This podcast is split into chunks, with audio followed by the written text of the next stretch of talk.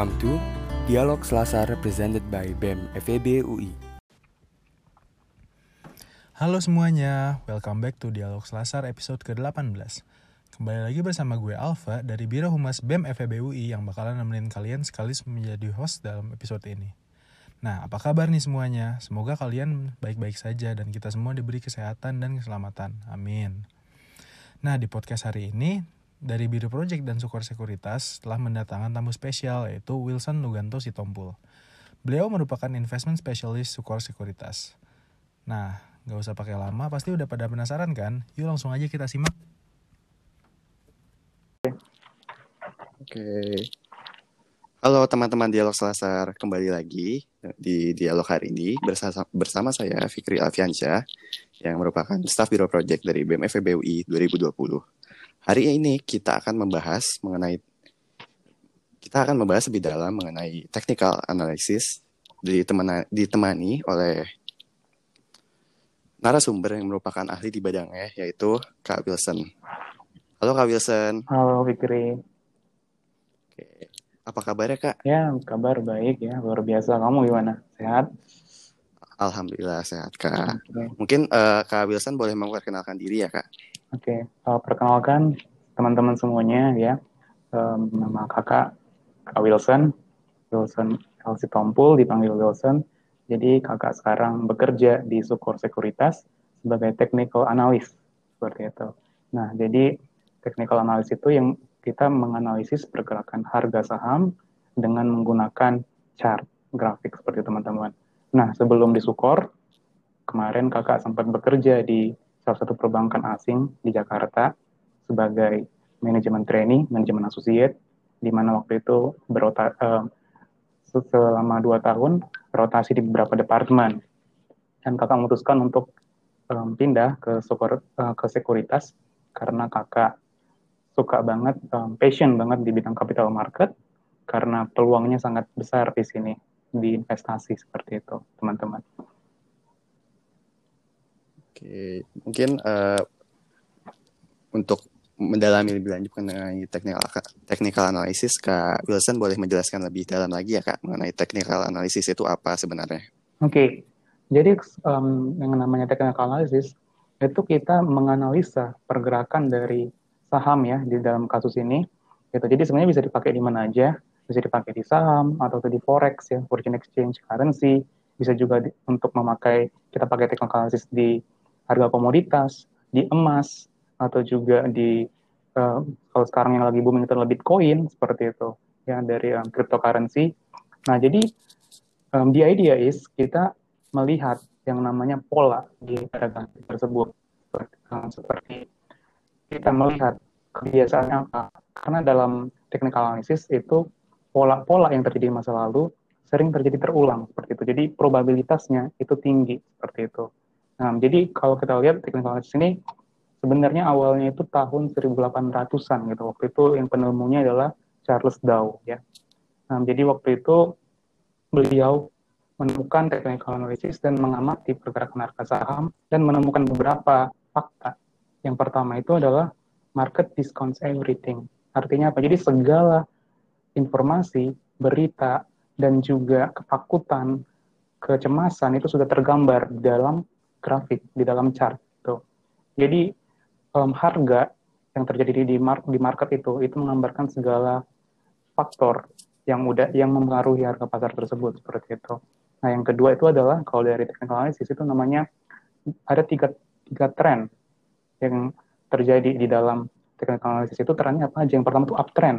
Uptrend itu adalah ketika saham atau um, yang kita amati, instrumen yang kita amati itu kecenderungan dia mengalami kenaikan harga seperti itu. Itu di uptrend namanya kalau nah di dalam trading kita namanya bullish ya di investment itu namanya bullish itu bullish market. Nah yang kedua itu ada yang namanya downtrend. Downtrend itu ketika market yang sedang turun seperti itu, namanya bearish. Yang ketiga itu namanya sideways. Sideways itu adalah ketika harga berada di rentang waktu di rentang um, range harga tertentu seperti itu. Jadi dia nggak bergerak ke atas banget, nggak turun ke bawah banget seperti itu. Nah jadi Charles Dow ini dia menemukan um, tek, um, technical tersebut yang pertama itu yang kedua yang ketiga lagi itu ada lagi namanya fase ya Nah, jadi di fase technical analysis itu ada tiga. Yang pertama itu fase akumulasi. Jadi akumulasi itu ditandai dengan um, volume mulai terbentuk ya, itu dari indikatornya kita bisa lihat volume terbentuk dan juga pergerakannya masih sideways. Nah, setelah barang yang dikumpulkan cukup dalam kata kutip barang maksudnya saham atau instrumen apa pun saham yang dikumpulkan cukup ini nanti harganya baru mulai naik lagi gitu. Mulai naik itu namanya public participation advancing. Harga saham naik dan saham ini di selalu diceritakan sama orang. Saham seperti saat ini adalah saham BRIS ya. BRIS itu BRI Syariah. Nah itu sekarang sahamnya naiknya tinggi tinggi banget gitu. Karena karena apa? Karena sekarang lagi fase public uh, public participation, di mana orang-orang pada ngomongin Sambris sih Sambris naik terus naik terus gitu. Jadi ya dia jadi um, trending topic seperti itu. Atau yang satu lagi kemarin itu adalah saham Inaf ya, Indofarma gitu yang naik banget karena sentimen dari yang kita bilang itu um, COVID ini ya, um, dia farmasi dan kalau satu lagi BRIS itu karena dia um, ada rencana aksi koperasi itu akan penggabungan dari bank syariah di Indonesia yaitu BRI Syariah, Mandari Syariah dan juga Beni Syariah yang merupakan bank um, syariah dari BUMN seperti itu. Jadi ya technical analysis basically kita melihat pergerakan harga di chart. Jadi ya um, pola-polanya ke gimana dan juga kita sebenarnya technical analysis ini dibagi dua seperti itu. Yang pertama yang klasik, yang kedua juga yang modern seperti itu. Kalau yang klasik ini yang um, menggunakan cara tahu tadi, yang kedua itu adalah yang modern. Kalau yang modern ini menggunakan indikator. Indikatornya apa aja seperti moving average atau stochastic oscillator atau juga bisa parabolic SAR kayak gitu. Jadi technical analysis itu sebenarnya kalau secara garis besar dibagi dua, technical analysis yang klasik, yang kedua technical analysis yang modern seperti itu. Tapi kalau di mana um, semuanya dua-duanya memiliki kelebihan dan kelemahan masing-masing, tetapi ya kalau digunakan dengan baik, dua-duanya bisa memberikan profit yang bagus untuk teman-teman trader seperti itu. Perbedaan dari keduanya itu biasanya digunakan untuk apa saja ya kak? Apakah untuk hal yang sama atau perbedaan lebih dalamnya seperti apa tuh kak? Sebenarnya approach-nya aja gitu. Jadi kalau misalnya kita pakai hmm. um, yang technical analysis klasik, jadi kita menggambar yang namanya garis-garis trend line seperti itu. Nah garis-garis trend line, support and resistance namanya. Jadi support itu adalah um, level di mana kita yakin bahwa harga itu tidak akan turun dari level itu atau dia akan memantul dari situ itu adalah harga terendah sebelumnya. Kalau resisten itu adalah level di mana kita yakin hmm. bahwa ketika harga ke sana dia akan turun ke bawah seperti itu.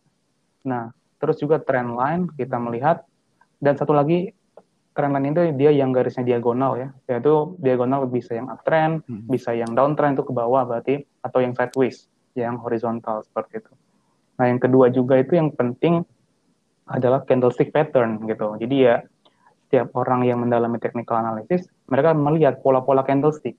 Jadi salah satu tipe chart, tipe grafik yang paling populer itu adalah candlestick. Nah, candlestick ini ditemukan um, oleh pedagang beras Jepang waktu itu. Ya, jadi um, dianya ada pola-pola bullish ya atau menggambarkan kenaikan seperti contohnya bullish engulfing atau juga bisa dia contohnya hammer gitu atau inverted hammer atau tweezer bottom seperti itu. Jadi ini emang nama-nama yang kelihatannya fancy banget gitu bagi orang yang nggak baru mendengar nama technical analysis. Tapi kalau ketika dipelajarin um, dan itu semuanya um, menjadi suatu hal yang yang sebenarnya itu nggak terlalu ribet kayak gitu. Tinggal dilihat aja dan dihafalin dan dipraktekin seperti itu. Nah, itu yang klasik. Jadi dia lebih kepada memprediksi pergerakan harga di masa depan dengan menggunakan um, tools berupa grafik uh, berupa garis-garis dan juga trendline tersebut seperti itu. Jadi dia lebih forward looking seperti itu. Nah, hmm. sementara kalau yang kedua yang modern, kalau yang modern ini dia menggunakan um, data di masa lalu seperti itu. Jadi dia melihat um, apa namanya perhitungan-perhitungan yang di, dari harga sebelumnya itu dimasukkan ber, dalam berupa rumus akhirnya jadi um, indikator tersebut. Contohnya moving average gitu. Jadi kalau misalnya moving average nya MA ya kalau kita bilangnya ya MA atau MA um, yang paling populer itu untuk short term misal MA 10 jadi kita ngelihat rata-rata harga harian 10 um, 10 hari ke belakang gitu. Kalau MA 50 berarti 50 hari ke belakang. Kalau 100 berarti 100 hari ke belakang gitu. Nah jadi dia um, sangat tergantung dengan um, um, perhitungan masa lalu gitu. Jadi ya ini kita kalau kita bilangnya dia um, lagging gitu. Jadi lebih apa lebih um, kurang sensitif untuk terhadap pergerakan harga gitu. Kalau dibandingkan dengan technical analysis yang klasik seperti itu. Jadi ya bedanya di situ doang. Cuma kalau yang um, technical analysis yang modern itu lebih gampang makainya gitu. Jadi nggak terlalu ribet kasih judgementnya, tinggal pakai aja. Misal kalau kayak dianya MA-nya um, crossing gitu kita bisa ambil sinyal beli gitu. Atau stochastic oscillatornya dianya overbought seperti itu. Jadi kita bisa sell atau oversold, berarti kita bisa bisa buy seperti itu. Jadi ya lebih gampang kalau mau masalah gampang atau enggaknya lebih gampangan yang technical analysis modern gitu karena semuanya udah ada tinggal pakai aja gitu. Oh, berarti untuk uh, masa sekarang ini umumnya yang modern itu lebih sering digunakan ya Kak berarti? Ya, gitu. Karena rata-rata trader baru mereka ngelihat kayaknya itu seru banget gitu kalau di chart kita itu banyak indikator-indikator seperti itu kayak lebih keren, lebih fancy gitu itunya chartnya. Jadi kalau kalian lihat um, trader-trader trader-trader itu yang di sekuritas ataupun yang trading forex segala macam atau di forum-forum itu chartnya penuh diisi dengan yang namanya indikator gitu. Jadi ya kadang kalau ter terlalu banyak sih bisa membingungkan kita gitu. Karena satu indikator bilang buy, satu indikator bilang sell kayak gitu. Jadi suka bertabrakan, itu kelemahan um, apa indikator modern gitu kadang mereka bertabrakan gitu jadi ya harus benar-benar jeli kayak gitu dalam menggunakannya kalau enggak ya bakalan bingung sendiri gitu jadi kita namanya itu uh, analisis paralysis gitu jadi ya terlalu banyak uh, analisis dan akhirnya ya pusing sendiri seperti itu. Okay. Nah, tadi kan Kak Wilson udah menjelaskan nih teknik apa sih sebenarnya technical analysis itu terus uh, digunakannya untuk apa aja dan juga indikator-indikator yang sangat mempengaruhi dalam technical analysis. Nah, untuk penggunaannya sendiri biasanya siapa sih Kak yang paling sering menggunakan technical analysis ini Kak? Oke, okay. kalau technical analysis ini dipakai oleh trader ya. Nah, jadi trader, jadi ada dua tipe sebenarnya kami di pasar modal itu trader dan investor. Kalau trader, hmm. mereka itu merentang waktunya itu singkat gitu. Jadi dia mau ngambil profit yang singkat, sesingkat-singkatnya kalau bisa seperti itu. Sementara kalau investor, mereka itu um, long term, mikirnya long term. Jadi mereka nggak um, nggak mau ngambil uangnya dalam satu tahun, dua tahun, tiga tahun, tapi dia long term, maksimum minimum lima tahun lah kayak gitu. Jadi dia percaya ini sama akan naik di masa depan. Kenapa mereka percaya? Mereka ngelihat ya namanya fundamental. Nah, kalau fundamental itu adalah kita refer kepada data-data um, laporan keuangan seperti itu, ngeliatin performance dari perusahaan yang lagi kita investasikan kayak gitu. Nah, jadi misalnya kayak kita ngelihat saham Bank BCA nih, oh Bank BCA laporan keuangannya bagus seperti itu. Tiap tahun labanya naik seperti itu. Nah, jadi kita bisa dengan confidence dan percaya diri kita investasiin langsung tanpa belajar technical analysis lagi gitu. Ya udah masukin duit nih gitu um, ke di BCA beli sahamnya segini. Nah, dan di hold atau ditahan sampai um, jangka waktu yang um, jangka panjang ya 5 sampai 10 tahun atau bahkan banyak yang lebih dari 10 tahun seperti itu untuk pensiun gitu ya, untuk pensiun segala macam. Nah kalau jadi investor biasanya nggak pakai technical analysis gitu untuk jangka panjang. Mereka pakainya fundamental seperti itu. Nah yang memakai adalah trader seperti itu. Ya, trader itu juga bisa kita bedain ya. Ada yang pertama itu daily trade, nah daily trader gitu, day trader ya kita bilangnya. Kalau day trader dia tradingnya harian gitu, beli pagi jual sore, beli pagi jual sore seperti. Jadi aktif banget gitu. Yang kedua itu namanya swing trader. Nah kalau swing trader itu dia um, jangka waktunya bisa dari satu minggu sampai dua minggu, jadi lebih panjang. Nah, yang ketiga itu ada yang position trader. Kalau position trader bisa berbulan-bulan, tapi dia tidak lebih lama dari long term investor tadi yang lima tahun seperti itu. Nah, jadi ya kalau um, trader dia itu kuncinya adalah di timing seperti itu. Nah, dia ngelihat kalau polanya udah bagus dan timingnya udah tepat dari market, seperti um, misalnya contoh dia belinya pada support gitu, pada harga yang murah, maka dia berani untuk menaruh uang di situ, membeli sahamnya seperti itu. Nah, sementara kalau investor dia nggak ngelihat yang namanya support segala macam, jadi ya udah um, beli aja sekarang. Kalau turun lagi beli lagi. Jadi mereka lebih rutin investasinya gitu. Kalau trader beli sekarang ya udah tahan dulu kalau dianya. Jadi mereka bedanya ada stop loss ya. Kalau trader itu dia misalnya gue beli di 200 misal gitu. Terus harganya turun ke 100. Ya udah kita stop loss gitu. Um, stop loss itu artinya ya udah kita cut gitu. Jadi ya biarin aja rugi gitu dan move on dari satu saham itu ke saham yang lain. Sementara kalau ke investor mereka jarang banget cut loss. Jadi malah mereka itu namanya dollar cost averaging ketika harganya agar sahamnya turun misalnya dari 200 ke 100 mereka beli lagi gitu kenapa mereka berani beli karena mereka yakin fundamental saham ini masih kuat gitu jadi penurunan sekarang itu adalah sementara dan malah merupakan suatu kesempatan untuk membeli di harga yang lebih murah untuk mengumpulkan barang saham ini lagi untuk mendapatkan keuntungan yang lebih lagi seperti itu. Oke. Oke. Nih, Kak, tadi kan Kakak sempat nge-mention juga tuh Kak mengenai fundamental analysis. Itu bedanya apa sih Kak dengan technical analysis, Kak? Oke. Ini menarik ya. Kalau technical analysis itu rata-rata mereka cuma berpakunya di chartnya aja gitu. Ada juga pun technical analysis yang merhatiin berita segala macam gitu. Oh ngeliatin sentimen-sentimen nih. Misal sekarang kayak um, sentimennya itu misalnya kayak um, Tesla nih mau bangun pabrik pabrik ini baterai ini di sekarang segala di Indonesia gitu. Jadi kan orang trader ngeliat oh sektor yang menarik pasti pertambangan dong kayak gitu um, sektor yang um, yang ada nikel dong seperti itu kan ya jadi seperti kayak Antam seperti itu Inco Val Indonesia itu jadi incaran para trader seperti itu nah tapi mereka lebih um, mendengarnya lebih ke sentimennya aja gitu lebih ke sentimen apa yang terjadi sekarang nggak perlu ngeliatin um, laporan keuangan segala macam gitu karena mereka tradingnya short term gitu jadi mereka ngeliatin volume kalau volumenya udah terbentuk gitu ya jadi kayak, kayak pasar gitu kalau pasarnya rame aktivitasnya rame, jadi itu um, harga itu bakalan lebih gampang untuk naik ataupun buat turun kayak gitu. Jadi lebih um, lebih aktif gitu ya. Tapi kalau misalnya pasarnya sepi ya susah kayak gitu. Jadi nggak bakal bergerak harga sahamnya bakal di situ aja seperti itu. Nah kalau fundamental mereka um, bedanya tadi seperti yang saya mention itu mereka ini lebih kepada ngeliatin kualitas perusahaan seperti itu. Jadi mereka mencari yang namanya nilai intrinsik mencari yang namanya saham perusahaan yang bagus yang salah harga ya mereka bilangnya salah harga salah harga itu apaan misal nih di market dijual saham A harganya 300 tetapi setelah mereka hitung memakai uh, metode valuasi yang ada di um, financial seperti kayak discounted cash flow itu harganya 500 kayak gitu. Nah itu kan udah salah harga dong gitu. Harga sebenarnya harusnya 500 tapi di market 200 seperti itu. Jadi ya udah um, long um, investor bakalan percaya bahwa saham ini bakalan balik ke harga aslinya, harga nilai kalau kita bilang namanya nilai wajarnya yaitu adalah 500. Ketika dia melihat harganya 200, artinya itu masih under value seperti itu. Jadi melihat mereka melihat under value atau over value.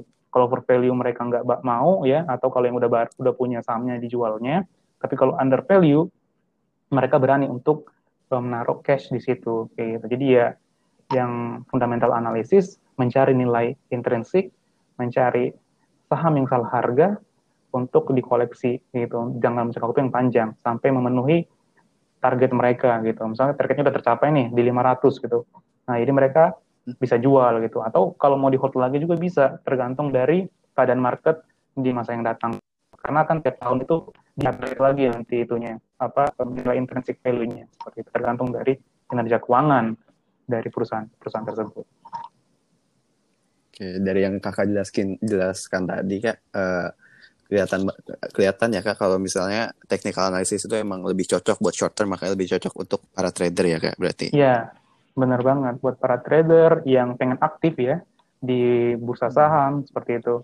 Mereka cocok belajar technical analysis kayak gitu.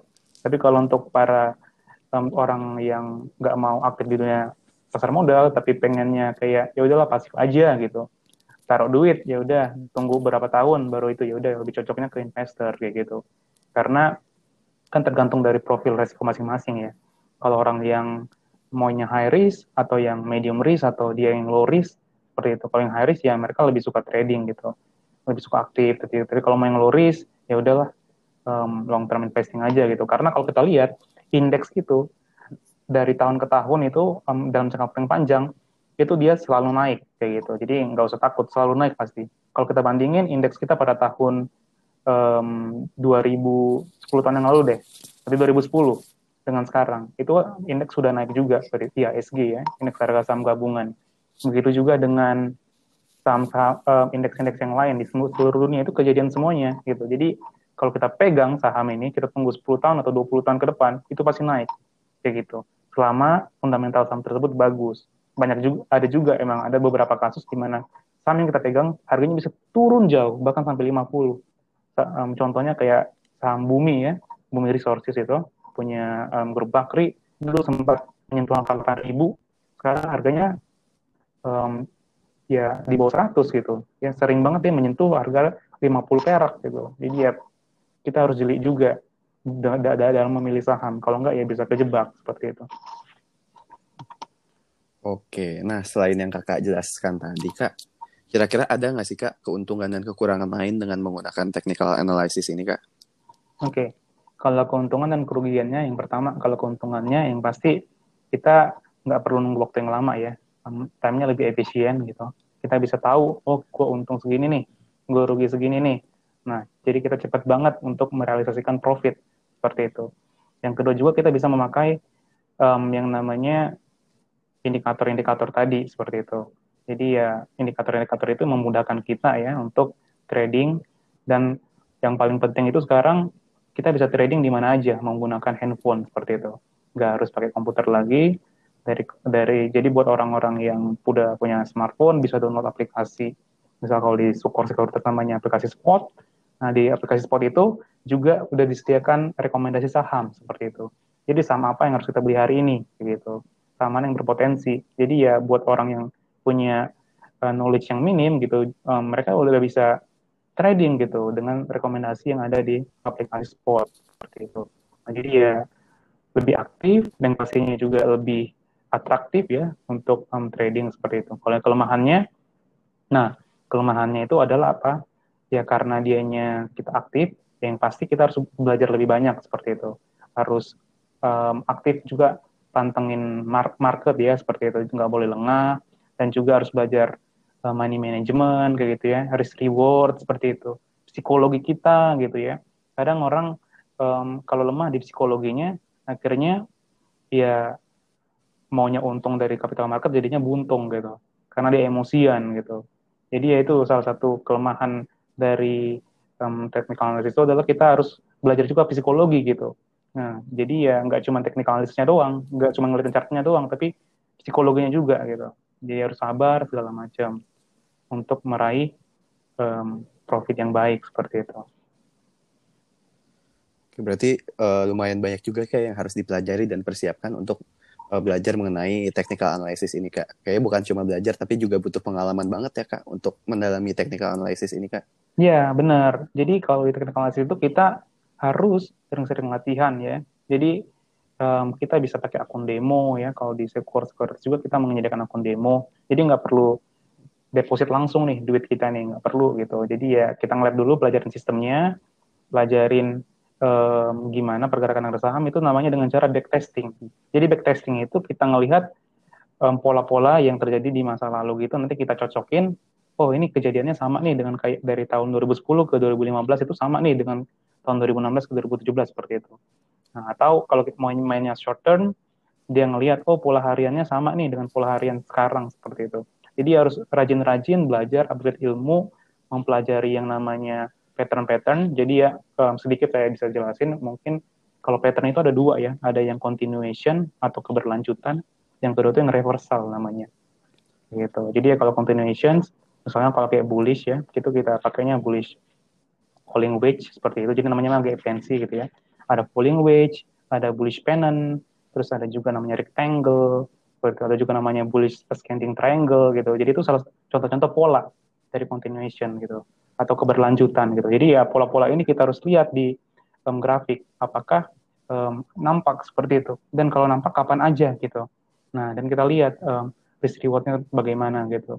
Terus yang kedua tuh kalau yang um, reversal itu bisa kayak double um, kalau kita karena kita main di saham ya artinya kita selalu ambil posisi buy seperti itu. Itu bisa kayak dia double bottom seperti itu. Atau juga dia ada posisi um, inverted head and shoulder seperti itu. Jadi ya teman-teman harus dipelajarin tiap hari dan juga dipraktekin gitu. Um, jangan cuma dipelajarin aja tapi dipraktekin ngeliatin chart. Kalau dulu sih terkenal itu ya di old um, apa wisdom gitu ya kayak gini dikatanya tuh kalau untuk master dari suatu hal gitu kita memerlukan 10.000 jam seperti itu.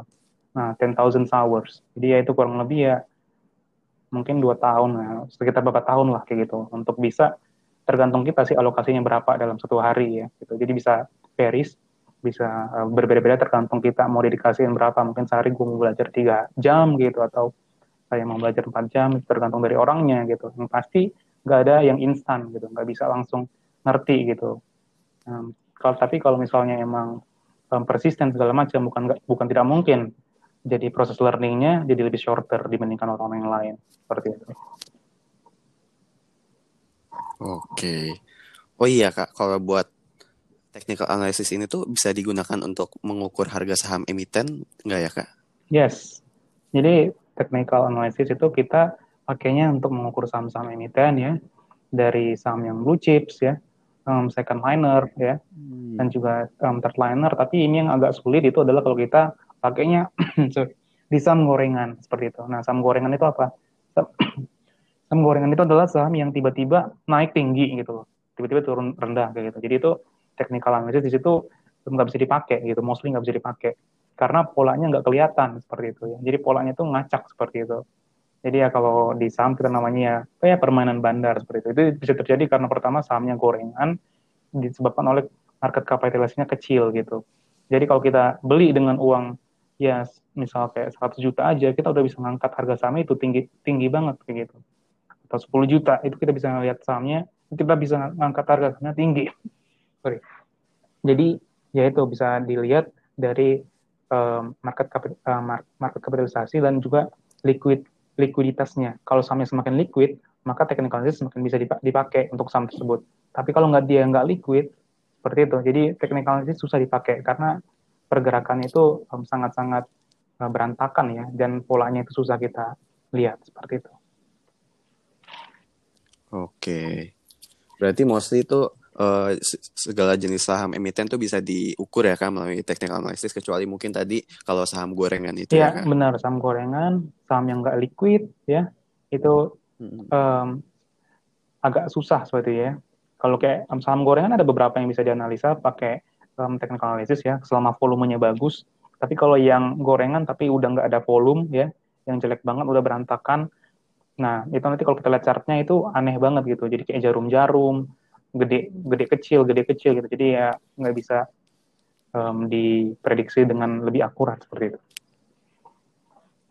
Oke. Okay.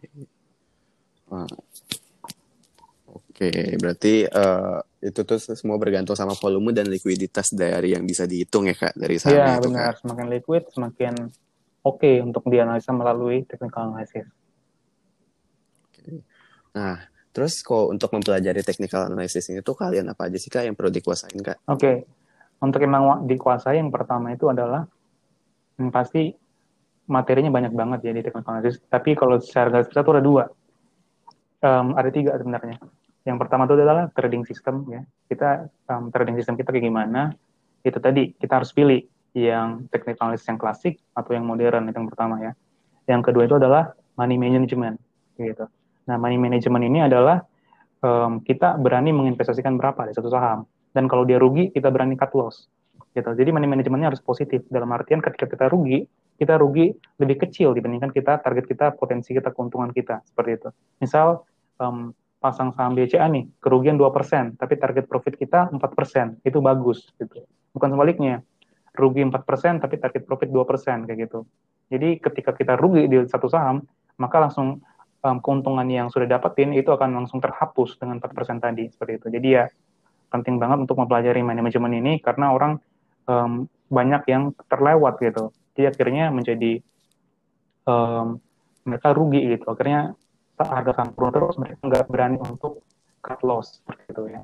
Itu manajemen. Yang ketiga itu adalah psikologi ya. Ini belajar juga psikologi. Gitu. Psikologi ini kita harus mengenal diri kita sendiri. Jadi ya um, our enemy is not the market ya, tapi our true enemy is ourselves gitu. Jadi kita battle-nya kita itu adalah ke diri kita sendiri gitu. Gimana cara kita menguasai emosi yang ada dalam hati, di dalam diri kita gitu. Nah, jadi ya market itu bakalan ada terus hari ini, besok, sekarang gitu. Bahkan market nggak tahu kita ada gitu. Market doesn't know we exist kayak gitu ya. Jadi mereka nggak nganggap kita tuh apa-apa gitu loh. Nah, jadi ya um, kita mau masuk ya oke, nggak masuk juga apa-apa gitu. Nah, jadi ya sebagai investor retail terutama, kita harus bisa memanage our expectation juga gitu. Oh, um, expectationnya pengen ini nih, pengen cuan 10% misal per, per bulan kayak gitu. Nah, ketika itu tidak terjadi, ya udah it's okay gitu. Um, jangan terlalu depresi lah atau sakit hati lah atau malah jadi benci sama saham, enggak jangan kayak gitu. Justru itu dijadiin pembelajaran gitu. Kebanyakan orang kan banyak banget yang rugi dari saham, akhirnya ya banyak yang aduh stres gila gitu ya. Jadi jadi ada malah yang bunuh diri juga gitu karena saham gitu kan. Main saham oh rugi gitu segala macam. Nah jadi psikologi penting banget. Karena dari um, survei ya dari membuktikan itu ya semua trader itu um, sekitar 90% mereka tuh rugi kayak gitu semua trader gitu. Jadi ya benar-benar highly apa ya highly um, sangat-sangat sulit gitu ya highly difficult ya untuk um, belajar technical analysis gitu karena 90% orang gagal gitu dari um, statistik yang dirilis seperti itu.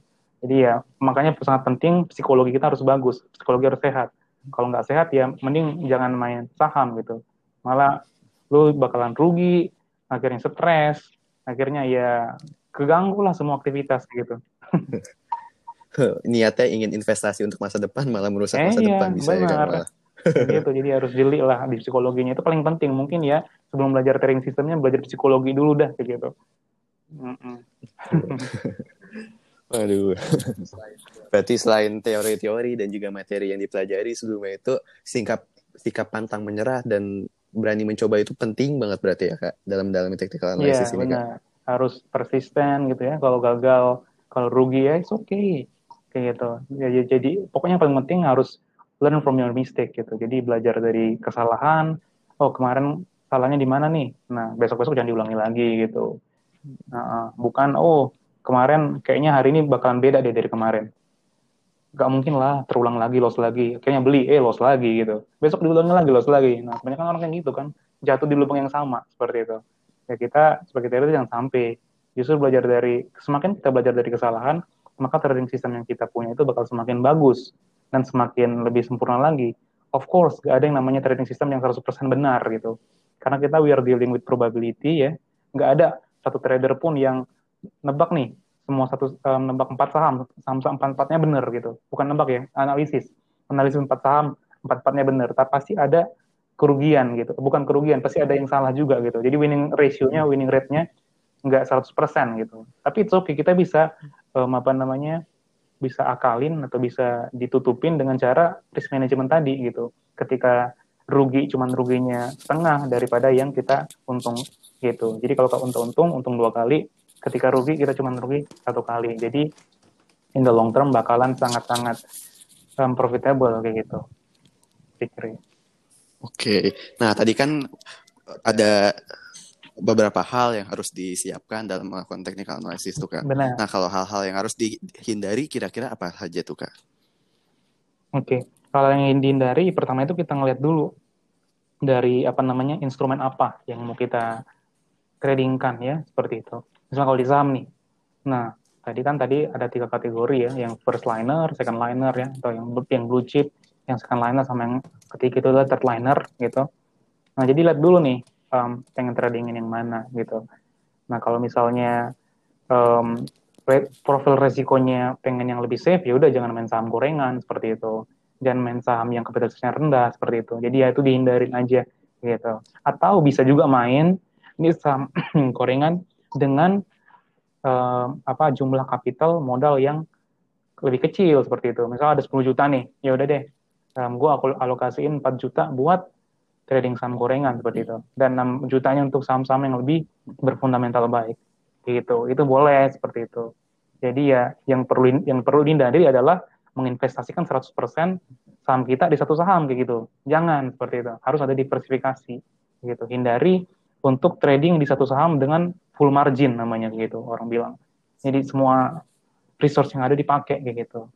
Jadi ya pemilihannya gimana dan juga tetap ujung-ujungnya lagi kita ke manajemennya tadi Oke, berarti bener ya kata orang-orang tuh kok ingin bermain di dunia saham tuh harus benar-benar pintar dalam menahan diri. Ya, benar. Dalam menahan diri.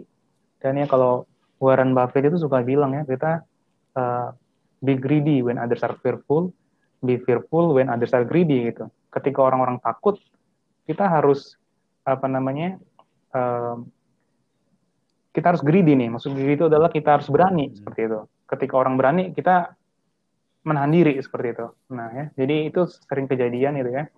Jadi ketika um, orang-orang pada ngeborong satu saham seperti itu, eh malah sahamnya turun seperti itu. Atau ketika orang-orang malah lagi fear nih kayak corona nih ya tahun tahun ini di bulan Maret orang pada takut tuh. Karena di Maret itu IHSG jatuh parah banget gitu.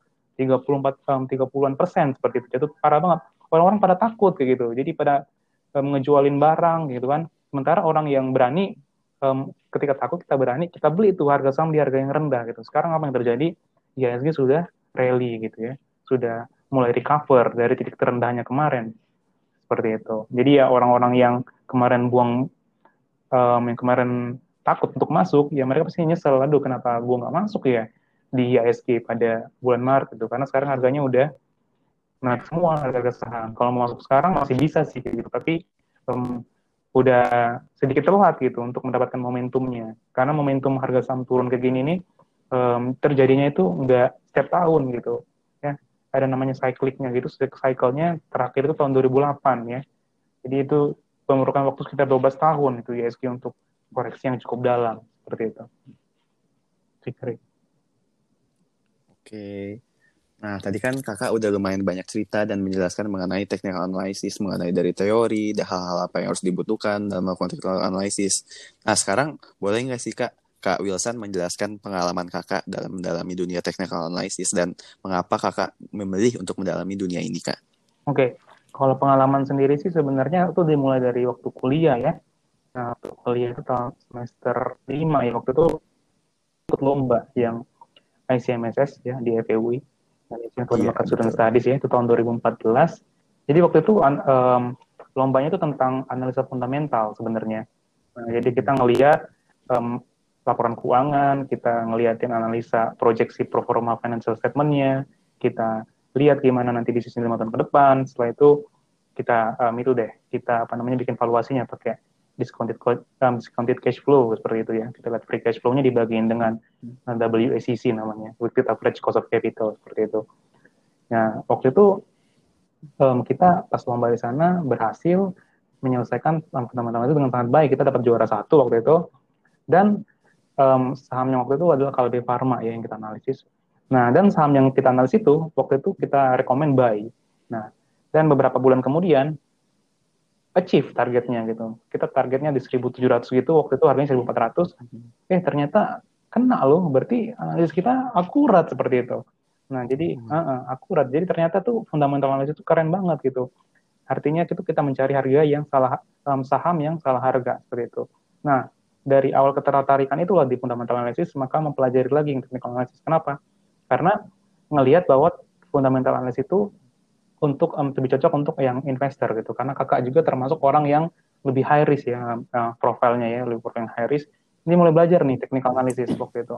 Waktu kuliah dipelajarin dan um, itu sangat menarik bagi kakak gitu. Karena kalau kita lihat chartnya it's amazing. Kenapa? Karena pola-pola um, tertentu yang yang sudah ada di masa lalu itu bisa terjadi masa di masa sekarang kayak gitu. Meskipun nggak 100% tapi itu probabilitasnya tinggi seperti itu. Jadi hal itu menarik banget gitu. Jadi kalau kita bisa melihat pola-pola saham dan kita menerapkan di trading kita, kita bisa untung gitu itu bisa profit. Jadi kan kita, tujuan kita kan investasikan buat untung ya, buat cuan segala macam. Kita bisa mendapatkan um, tambahan income seperti itu ya. Bahkan nggak jarang orang menjadi full time trader gitu. Jadi dia mereka benar-benar um, trading for life gitu ya.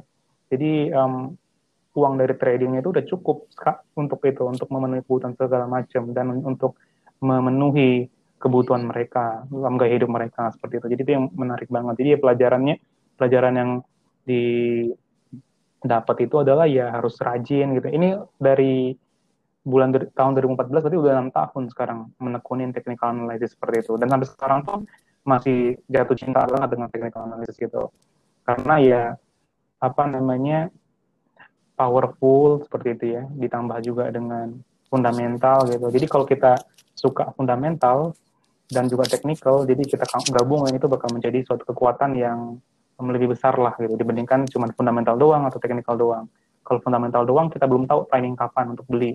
Kalau technical doang um, itu kita kita nggak pedulin fundamental gitu. Jadi um, kebanyakan nggak pedulin fundamental. Artinya ya udah um, kita bisa trading saham yang um, lagi merugi pun nggak apa-apa kita tradingin gitu. Tapi kalau kita um, trading digabungin dengan fundamental, kita mencari saham yang um, benar-benar kualitasnya bagus dan juga timingnya tepat seperti itu. Jadi ya it's uh, more powerful lah begitu. Tapi ya ujung-ujungnya itu kelemahannya jadi kita bakalan memilih saham yang lebih sedikit gitu. Karena nggak banyak saham yang fundamentalnya baik dan teknikalnya baik juga gitu. Jadi ya lebih sedikit um, opportunity-nya tapi ya lebih akurat seperti itu. Jadi ya pengalamannya itu ya waktu kuliah udah belajar udah buka konsam gitu kan udah mulai trading sendiri. Ya kalau awal-awal kita trading ya udah pasti. Karena tadi nggak paham namanya trading um, psikologi tadi ya udah akhirnya ya banyak kan rugi gitu. Jadi masih belum sama juga jatuh ke lubang yang sama itu lagi gitu kan. Akhirnya dari situlah belajar oh ternyata um, I don't know anything gitu. Gue nggak tahu apa-apa gitu. I need to learn gitu kan. Nah jadi yaudah dari situ pak belajar terus setiap hari gitu. Sampai sekarang um, juga tetap belajar gitu ya. Tapi udah lebih um, baik um, dari sisi performance dan juga dari sisi strateginya. Um, jadi kita jangan berhenti belajar ya, pasti untuk apalagi untuk backtesting seperti itu. Dan um, diperkuat lagi untuk apa namanya psikologinya buat teman-teman. Seperti um, saat saatnya waktu mulai dulu gitu. Psikologi pasti yang jadi faktor yang sangat sangat sangat sangat apa ya krusial banget gitu. Apalagi waktu itu um, kakak masih muda ya. Sekarang juga masih muda sih gitu. Tapi lebih muda. Waktu itu masih ya seumuran kalian lah ya 8, sekitar 20 tahun seperti itu ya 1920 waktu itu kan. Jadi ya pengennya untung cepet nih. Aduh pengen untung cepet gitu kan.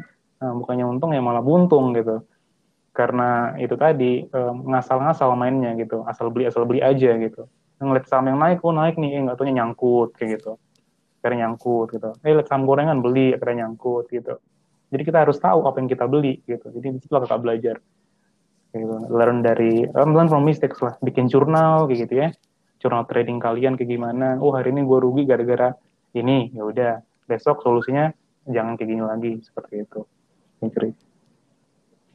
Berarti oh, berarti Kak Wilson orang ini sangat mau belajar banget dan juga nggak pantang menyerah banget nih dilihat dari cerita kakak tadi walaupun sempat mengalami kerugian tetap mau belajar terus kak buat bisa mendalami dunia tactical analysis dan juga fundamental analysis tadi. Yes, benar. Kita harus punya role model yang itu paling penting banget. Kalau kita sih senangnya kayak Cristiano Ronaldo gitu ya. Itu kalau di ya benar kalau di bola Ronaldo. Jadi dia benar-benar berlatih keras ya pada segala macam from zero to hero gitu ya, from nothing to something gitu kalau Cristiano Ronaldo. Terus yang kedua yang kakak suka itu juga kakak suka olahraga ya. Kalau yang di motor itu namanya ada Mark Marquez ya hmm, dia seumuran kakak gitu ya 93 gitu. Jadi ya dia umur 20 udah jadi juara dunia gitu loh di MotoGP gitu. Karena emang dia dari kecil dari umur 4 tahun dia udah balapan gitu. Jadi ya untuk mencapai skill tingkat skill yang um, menjadi ahli gitu ya to be an expert in apa in apa namanya dalam bidang ya dalam bidang yang kalian mau itu ya text dedication gitu. Dan itu dibangun dalam jangka waktu yang panjang seperti itu. Kayak Cristiano Ronaldo itu dari kecil dia udah main bola gitu kan kayak Ronaldinho juga. Mereka bukan orang-orang yang head uh, bukan orang-orang yang dari orang-orang kaya gitu ya. Bisa dibilang ya orang-orang yang biasa-biasa aja gitu. Tapi karena dia mereka mau berlatih. Jadi penting banget buat teman-teman harus punya role model agar selalu semangat gitu. Oh Ronaldo ini keren nih. Gue harus tiru dia seperti itu contohnya. Atau kalian kalau misalnya um, suka di bidang yang lain juga nggak apa-apa. Siapa aja kayak penyanyi misalnya oh Ed Sheeran nih Ed dulu pengamen loh atau kayak gimana. Atau dia cuma nyanyi di jalanan loh gitu. Tapi udah berhasil dan sukses gitu. Karena dia tekun gitu ya menekuni bidang yang dia gelutin. Yang pasti itu pertama harus passion, sesuai passion sih. What is your passion? If your passion in capital market ya udah just go for it. If your passion in sport gitu ya suka main bola nih ya udah berarti berarti terus main bola gitu. Nah kalau um, buat teman-teman yang di perkuliahan nih pasti kan aduh nanti gue ujung-ujungnya kerja di corporate nih segala macam. Belum tentu kayak gitu kalian bisa jadi apa aja gitu. Jadi um, kuliah di UI itu sangat bagus banget untuk membentuk karakter kalian teman-teman ya. Nah karakternya jadi lebih bagus. Nah kalau kalian mau jadi uh, business owner itu sangat-sangat bisa ya, sangat-sangat bisa jadi startup um, apa founder gitu ya. Pengen bikin bisnis dari dari kuliah itu sangat-sangat bisa. Apalagi di UI kan um, kalian networknya banyak gitu segala macam. Jadi jangan berpikir ah gue udah di UI pasti gue kerja kantoran enggak gitu ya. Bisa juga um, banyak kok anak-anak UI kan yang sukses gitu di selain dari kerja di kantoran. Kayak misal yang kakak ingat Afgan misal. Afgan dulu anak UI gitu. Tapi dia bisa berhasil mengejar cita-cita sebagai penyanyi gitu kan. Nah, jadi tetap aja teman-teman itu yang sekarang lagi kuliah gitu ya kuliah dengan baik gitu ya. Tapi kalau udah yakin dengan pilihannya misal kayak mau ngejar sesuatu ya udah just go for it dan tapi harus make sure bahwa benar-benar ahli di bidangnya gitu. Jangan cuma kayak jadi penyanyi oh penyanyi biasa-biasa aja gitu. Atau jadi ini biasa-biasa aja. Jadi harus benar-benar master di bidangnya seperti itu. Agar lebih maksimal gitu agar, agar ya apalagi masih muda ya. Kalian masih muda gitu pasti punya banyak impian gitu. Nah ada yang bilang aduh gue salah jurusan nih gitu. Ya, no worry gitu jangan jangan itu jangan apa jangan khawatir gitu ya. It's not the end of the world gitu aduh kenapa gue masuk akuntansi ya, gue benci banget sama sama angka gitu tapi nyokap gue suruh gue masuk akuntansi nih gitu ya dan kenyataannya emang banyak kayak gitu ya gitu tapi ya itu aja tetap semangat aja untuk mengejar impiannya seperti itu gitu ya. Betul banget sih sama yang Kak Wilson ceritain tadi kayak uh, kemampuan dan skill yang kita punya itu nggak akan ada apa-apanya kalau nggak dibarengi dengan usaha yes, ya Kak. Benar. Karena kisah orang-orang sukses sekarang ini tuh yang dilihat tuh bukan hanya sekarang tapi usaha-usaha mereka sebelumnya untuk menjadi kayak sekarang. Iya, ya, benar banget. Kita jangan melihat dia berhasil sekarang gitu, tapi ngelihat apa yang dia lakukan sebelum dia berhasil itu. Jadi nggak nggak instan gitu. Siapa pun itu yang berhasil itu butuh proses gitu ya. Ya kalian bisa sebutin lah orang-orang yang berhasil di bidangnya gitu. Mereka nggak instan. Misal kayak, gue enak banget tuh sulit, cuman ngelawak doang, hahi doang, duitnya banyak gitu. Waduh dia kerja keras juga gitu kan dia kayak apa namanya uh, audisi lah segala macam atau kayak tukul juga ya. Ah tukul kayak gitu doang. Cuman um, apa namanya kembali ke laptop doang dapat miliaran gitu kan. Gue juga bisa gitu. Nah itu kan dia mem membangun yang namanya um, kepercayaan orang branding dia gimana gitu. Jadi teman-teman tuh harus punya brand ya masing-masing sendiri branding kalian kayak gimana? Agar orang tuh ngeliat kalian oh gitu. Misal kayak Fikri nih Fikri nih gue liat nih kayak anak band nih misalnya kayak gitu Nah, dan dia emang pemain gitar misalnya gitu. Nah, jadi orang kenal kita, oh karakteristik gimana. Kalau Tukul kan orang pasti ngeliat, oh pelawak gitu kan. Nah, jadi dia ada brandingnya gitu. Jadi kalian bikin brand yang sesuai dengan kemauan kayak gitu. Jadi ya mulai dari sekarang gitu. Kalau pengen jadi um, youtuber ya udah mulai dari sekarang bikin youtuber gitu kan. Kalau mau jadi akuntan mulai dari sekarang pelajarin itu semua PSAK, IFRS, hafalin kayak gitu ya. Harus benar-benar master di bidangnya kayak gitu. Jangan cuman ya udahlah udah selesai ujian let's forget about it gitu jangan gitu ya sayang banget hmm. Terus kakak Wilson tadi juga sempat bilang untuk coba menemukan passion kita. Jujur, uh, saya sendiri ngerasain sih kak, kalau kita udah nemuin passion kita itu apa, ditambah lagi dibarengi dengan kemampuan yang kita punya, kayak kita ngerjainnya itu bakal enjoy banget sih kak.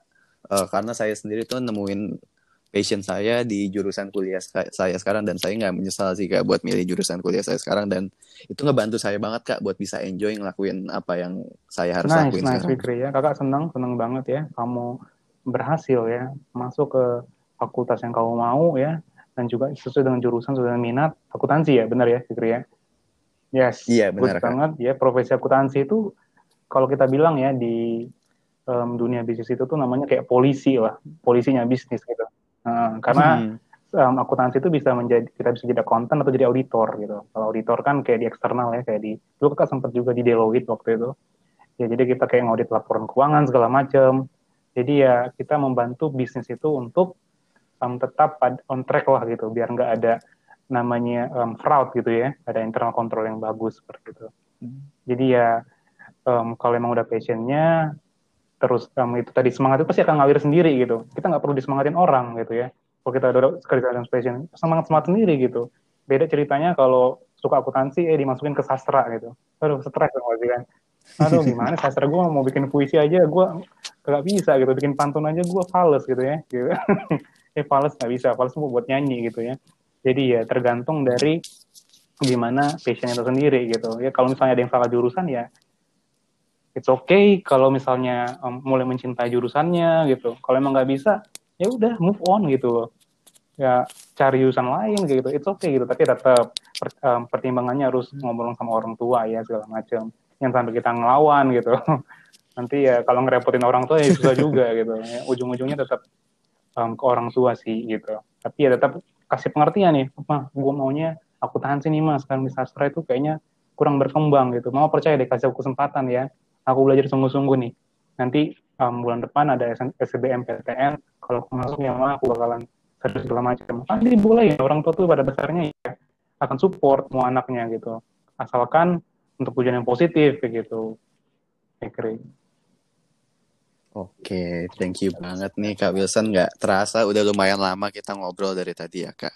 Nah mungkin sebagai penutup Kak, kebetulan dari dialog selasar ini major, major majoritinya pendengar pasti mahasiswa atau anak-anak muda nih kak. Nah di kondisi pandemi saat ini kan jadi banyak anak muda yang terbuka untuk mendalami dunia investasi salah satunya melalui trading dan reksadana kak. Nah mungkin ada saran atau mungkin masukan untuk para anak-anak muda yang sedang mendalami dunia trading dan juga investasi, terutama dalam memperdalam technical analysis dalam mereka mengetahui investasi mana yang ingin mereka pilih. Oke, okay. jadi buat um, teman-teman Selasar ya, FPUI um, atau UI ya, ini yang bisa kakak kasih saran adalah investasi itu penting banget teman-teman. Kenapa penting banget? Karena harga uang itu selalu turun seperti itu ya. Kenapa turun? Karena mengalami inflasi gitu Dulu kakak waktu SD itu harga gorengan 250 gitu ya. 250 perak, jadi 1000 dapat 4. Sekarang 1000 cuma satu, bahkan di beberapa tempat itu nggak dapat lagi 1000 gitu. Nah, jadi ya kalau dibandingkan teman-teman menyimpan uang di bank ya, lebih bagus teman-teman adalah menyimpan uang di produk investasi gitu. Produk investasi nggak hanya saham kok gitu, ada banyak gitu. Yang pertama tadi sempat dimention sama Fikri itu adalah reksadana gitu. Nah, untuk di reksadana juga itu lebih secure gitu ya karena kita membeli reksadananya dan itu dikelola sama manajer investasi yang profesional gitu. Nah, kalau di Sukor Sekuritas kita ada Sukor um, Asset Management ya, teman-teman bisa beli um, reksadananya, itu mau reksadana saham atau reksadana pendapatan tetap atau reksadana pasar uang seperti itu. Jadi ya teman-teman nabung rutin aja gitu kayak per bulan um, bisa seratus ribu, mulai dari seratus ribu, seratus ribu kayak gitu. Jadi nggak kerasa uangnya itu bakalan terkumpul gitu. Nah, jadi jangan terbalik, jangan um, teman-teman um, belanja dulu baru nabung gitu. Tapi ya sisakan dulu buat tabung gitu, baru belanja gitu. Yang sisakan buat tabungan itu adalah um, bisa dipecah jadi dua juga ya. Pertama tabungan di bank udah pasti, yang kedua adalah untuk investasi kayak gitu. Nah, karena tabungan di bank kan untuk ya daily itu ya daily activities ya gitu ya, daily cost segala macam gitu. Untuk beli inilah, beli makan segala macam jangan diinvestasi semua gitu ya gimana gitu bakalan susah gitu karena apa karena um, kalau kita investasi itu kita ada risikonya juga gitu. Risikonya adalah harganya bisa turun gitu. Jadi ketika kita mau narik ketika harga lagi turun ya artinya rugi dong kayak gitu. Nah makanya kalau untuk investasi itu jangka panjang seperti teman-teman. Kalau mau di reksadana gitu saya sangat sarankan bagi para pemula itu di reksadana gitu. Karena reksadana itu sangat uh, sangat sangat gampang dimengerti lebih secure gitu ya. You don't have to anything cuman tabung aja kayak biasa. Nabung kayak biasa. Misal dikasih orang tua per bulan ya satu juta gitu kan untuk duit kan ya udah gue tabung nih um, di reksadana dua ratus ribu kayak gitu. Nggak apa-apa nggak harus banyak banyak teman-teman. Tapi teman-teman bisa ngerasain manfaatnya bahwa uang yang teman-teman tanam itu bertumbuh gitu. Jadi instead of menyusut dia bertumbuh seperti itu ya teman-teman. Nah selanjutnya adalah produk investasi yang lain itu ada emas ya. Tapi kalau emas kita kalau menyimpan batangan itu kan terlalu riski ya terlalu beresiko gitu. Bisa jadi ya hilang gitu kan diambil orang segala macam. Tapi kalau kayak kita investasi di produk yang lebih modern kayak reksadana tadi itu nggak bakalan hilang teman-teman. Untuk mencairan mencairkannya pun cuma bisa teman-teman sendiri kayak gitu. Jadi ya sangat-sangat secure lah gitu ya. Nah terus yang ketiga itu ada juga teman-teman selain itu bisa di properti ya. Kalau properti itu ya um, kalau untuk kita sekarang mungkin terlalu mahal ya karena beli harga properti yang mahal banget gitu di Jakarta segala macam. Nah alternatif yang lain adalah saham teman-teman ya saham ini adalah dari antara keempat ini saham yang memberikan keuntungan yang paling besar. Kalau kita lihat dari 10 tahun terakhir gitu. Keuntungannya lebih besar dan juga um, apa tingkat resikonya juga um, lumayan besar tapi dia bisa di manage kalau kita um, berinvestasi di saham-saham yang bagus gitu teman-teman ya. Nah, jadi ya again investasilah mulai dari sekarang. Jangan tunggu-tunggu lagi gitu, jangan tunggu-tunggu ah nanti aja Kak tunggu lulus kuliah gitu. Sekarang um, kayaknya duit dari orang tua nggak cukup gitu kan. Teman-teman bisa itu bisa apa namanya bisa atur gitu. Di, diolah lagi manajemennya. Oh mungkin tiap hari gue beli ini nih beli Starbucks misal gitu. Ya udah dikurangin kayak gitu. Jadi belajar hemat juga gitu. Dari belajar hemat belajar investasi benefitnya ke teman-teman juga gitu. Kan kalau kita terlalu banyak minum gula kan atau banyak hangout kan nggak bagus juga gitu buat badan kita gitu. Bakalan sakit juga gitu. Um, di tubuh kita gitu. Nah, untuk mengenai trading tadi, kalau teman-teman tertarik untuk yang namanya lebih ke aktif, jadi aktif trader gitu, ini sebenarnya um, risky ya, um, beresiko gitu. Tapi ya saya, uh, kakak yakin ada beberapa orang, ada beberapa um, mahasiswa yang sangat-sangat tertarik gitu. Dan kakak encourage kalian, kakak dukung ya. Ya gue dukung kalau yang mau ya udah belajar dari sekarang gitu. Jangan jangan itu itu lagi, jangan takut-takut lagi gitu. Nah, kalau um, sekarang apalagi di saham itu untuk membuka akun rekening itu bisa mulai dari 100 ribu gitu. Nah, jadi kalau di Sukor Sekuritas bisa 100 ribu kita udah bisa buka account ya, daftar online, buka account dan bisa, bisa mulai trading gitu. Teman-teman, kalaupun nggak mau apa um, in, masukkan dana dulu ya bisa belajar juga sistemnya gitu. Jadi yang paling penting adalah tadi sempat kakak bilang tiga ya. Yang pertama itu adalah trading system, yang kedua money management, yang ketiga adalah psikologi gitu. Nah, kalau untuk aku sebut trading tadi ya udah belajar dulu psikologinya gitu. Sanggup gak gue menahan tekanan? Sanggup gak aku menahan pressure kayak gitu? Sanggup gak um, aku kehilangan uang yang sudah aku tabung kayak gitu? Nah jadi ya this kind of questions yang harus ditanya dulu sebelum terjun ke dunia trading ya teman-teman itu jadi akhir kata ya teman-teman semangat selalu ya dalam mengajar passionnya apa pun itu um, mau di jadi akuntan, auditor atau mau jadi lawyer ya atau mau jadi um, engineer apa pun itu ya. Just go for it just do your best seperti itu. Tapi ingat harus tetap kita uh, be humble ya teman-teman ya. Tetap rendah hati gitu. Kalau kita udah berhasil gitu ya atau kita memiliki kemampuan lebih ya dibagi sama temannya gitu saling sharing segala macam gitu. Dan juga um, informasi yang sudah diperoleh sekarang ya yang dari kakak ini ya bisa dibagikan kok teman-teman yang lain.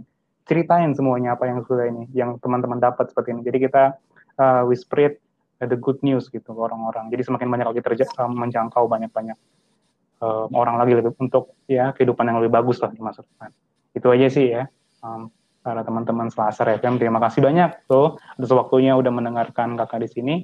Semoga kalian sehat selalu stay safe juga dan juga stay healthy selama pandemi ini jangan lupa makan makanan yang bergizi dan jangan um, dan jangan lupa juga untuk terus lakukan yang terbaik seperti itu. Fikri, makasih ya. Oke, terima kasih banyak Kak Wilson atas sharing sessionnya. Kurang lebih sudah cukup lama juga tadi yeah, kita ngobrol okay. ya Kak. hmm, jadi kayak saya juga juga sebagai host hari ini belajar banyak juga dari pembelajaran yang diberikan oleh Kak Wilson tadi mengenai technical analysis, apa saja yang harus kita laku, lakukan dalam mendalami technical analysis dan juga apa saja yang harus dihindari. Selain itu kita juga mendapatkan ilmu berapa pentingnya sih investasi untuk masa depan kita selagi kita masih muda. Nah, untuk teman-teman mungkin yang ingin mengetahui lebih lanjut nih mengenai dunia sekuritas atau juga reksadana, mungkin bisa follow Instagram dari Sukor, Sukor Sekuritas. Instagramnya ya, apa tuh? Sukor Sekuritas ya, S U C O R Sekuritas biasa, S E K U R I T A S. Itu di Instagram, teman-teman bisa follow. Di situ kita tiap hari memberikan edukasi ya dari update dan juga konten-konten yang menarik untuk dibaca para um, calon investor ataupun udah investor atau buat teman-teman yang awam sekalipun kayak gitu. Fikri. Nah, selain itu untuk teman-teman juga yang ingin mendalami lebih lanjut mengenai dunia mungkin reksadana bisa dilihat info-infonya melalui Instagram dari Sukuar Asset Management. Nah, terima mungkin sekian untuk podcast hari ini. Terima kasih untuk Kak Wilson. Semoga Kak Wilson sehat selalu dan bisa menjalankan aktivitasnya dengan baik. Sekian, terima kasih. Wah, makasih banget ya Bir Pro dan tentunya Kak Wilson atas sharing session mengenai pengalaman selama berada dalam dunia investasi dan pasar modal. Nah, dan tadi juga ada tips-tips investasi ya untuk anak muda yang bisa kita langsung implementasikan aja nih. Nah, semoga diskusi yang tadi bisa bermanfaat buat kalian semua yang udah mendengarkan. Nah, oke teman-teman, nggak kerasa nih kita udah sampai di ujung podcast kita kali ini. Nah, gue mau ngasih tahu nih kalau minggu depan akan ada BEM FEBW this month Nah, buat kalian yang mau tahu lebih lanjut mengenai BMFBUI, langsung cek aja di sosial media kita di Instagram at BMFBUI atau chat kita langsung melalui online at BMFBUI. Dan juga bisa banget nih kunjungin website kami yang baru kami rework di bmfbui.com. Dan juga gue mau ngingetin untuk teman-teman yang pengen ajak kolaborasi, bikin project bareng, studi banding, atau ngasih kritik dan saran, bisa banget hubungin sosial media yang sudah tadi disebutkan.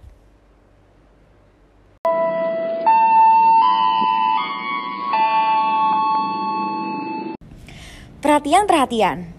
Buat kamu yang belum mandi.